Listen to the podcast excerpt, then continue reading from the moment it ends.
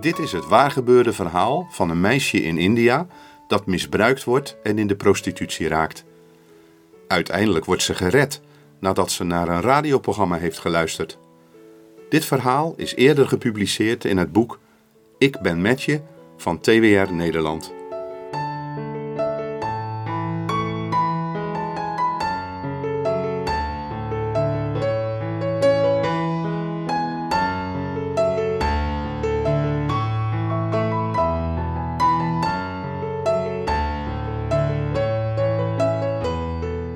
Momi schreeuwde alweer moord en brand. Maar iedereen in het dorp was zo langzamerhand wel gewend geraakt aan het geschreeuw van dit meisje van dertien. Haar vader zat een gevangenisstraf uit en zij was achtergebleven bij een dronken moeder die haar vaak sloeg. Wanneer de dorpelingen haar hoorden schreeuwen, hoopten ze altijd dat het snel weer voorbij zou zijn.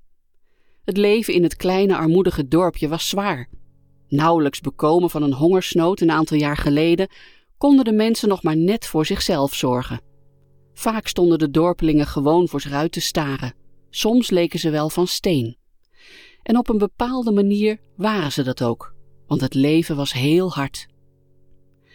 Toen ze weer een slaag had gekregen, keek Momi in een stukje van een gebroken spiegel dat ze in haar hand had. Ondanks alles zie ik er toch mooi uit, dacht ze bij zichzelf. Reevormige ogen domineerden haar ovale gezicht. Ze had een mooie neus en haar mond krulde in een aantrekkelijke glimlach. Al op haar dertiende was Momi zich ervan bewust dat ze er goed uitzag.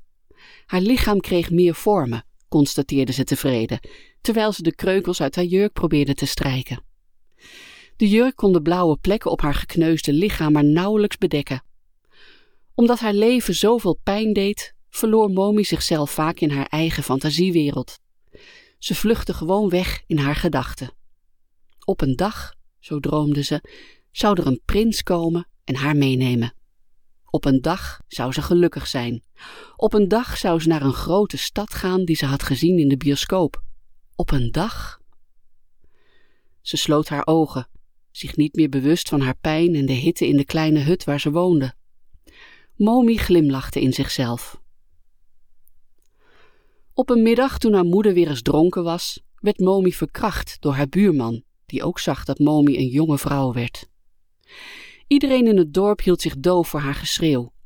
Ontroostbaar zocht Momi toevlucht in de armen van haar moeder, maar ze vond bij haar geen troost. Integendeel, haar moeder bedacht op dat moment dat ze een goede manier had gevonden om geld te verdienen.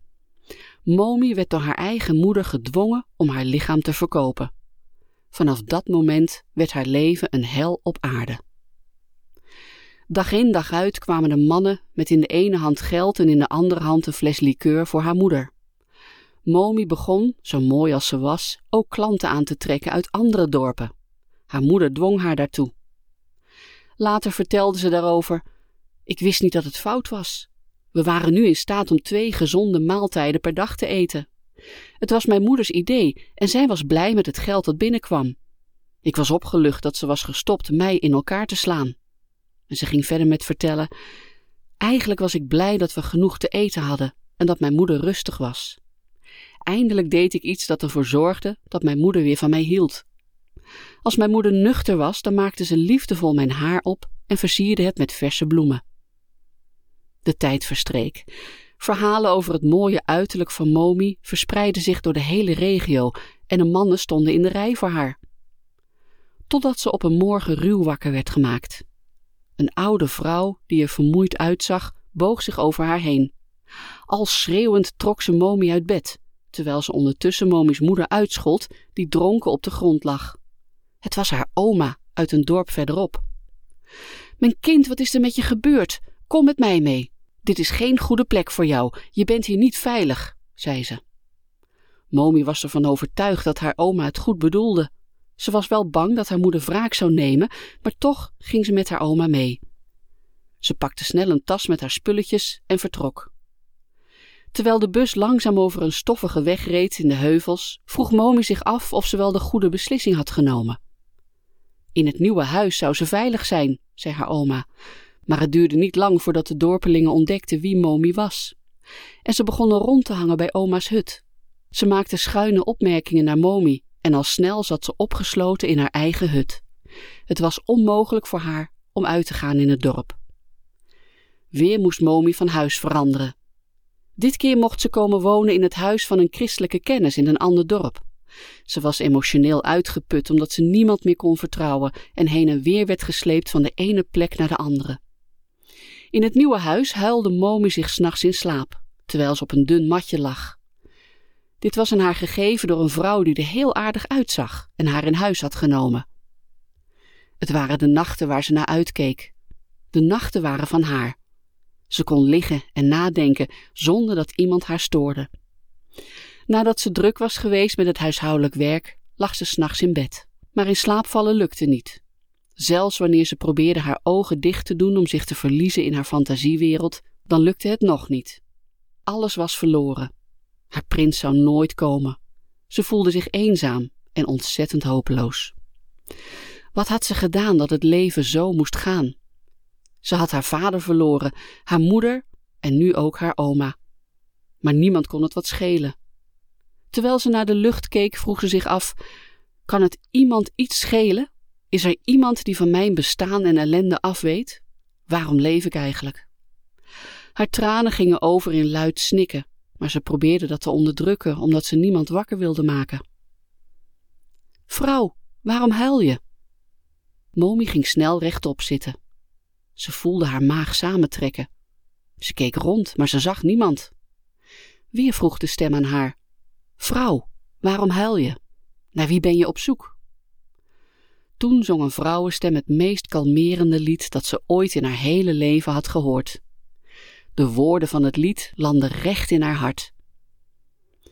De nacht was pikdonker en Momi kon niet goed ontdekken waar de stem vandaan kwam. Het duurde een tijdje voordat ze besefte dat haar vriendelijke gastvrouw luisterde naar een radioprogramma in de Oria-taal van Transworld Radio, dat speciaal gericht was op de vele misbruikte vrouwen in India, zoals Momi. Ze kon goed meeluisteren met het hele programma en viel daarna voor het eerst sinds lange tijd rustig in slaap. De volgende nacht bleef Momi wakker om weer naar het programma te luisteren. Op die manier ontmoette ze de Heer Jezus en werd ze een christen. Tegenwoordig is Momi een gelukkig getrouwde vrouw en woont ze in een eigen huis. Momi en haar echtgenoot maken borden van gedroogde bladeren en verdienen daar genoeg geld mee voor hun eigen onderhoud.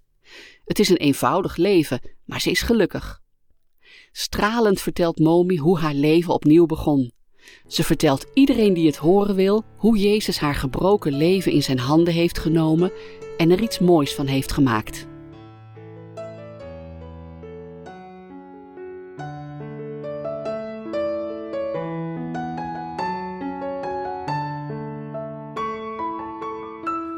Wilt u het boek Ik ben met je zelf lezen?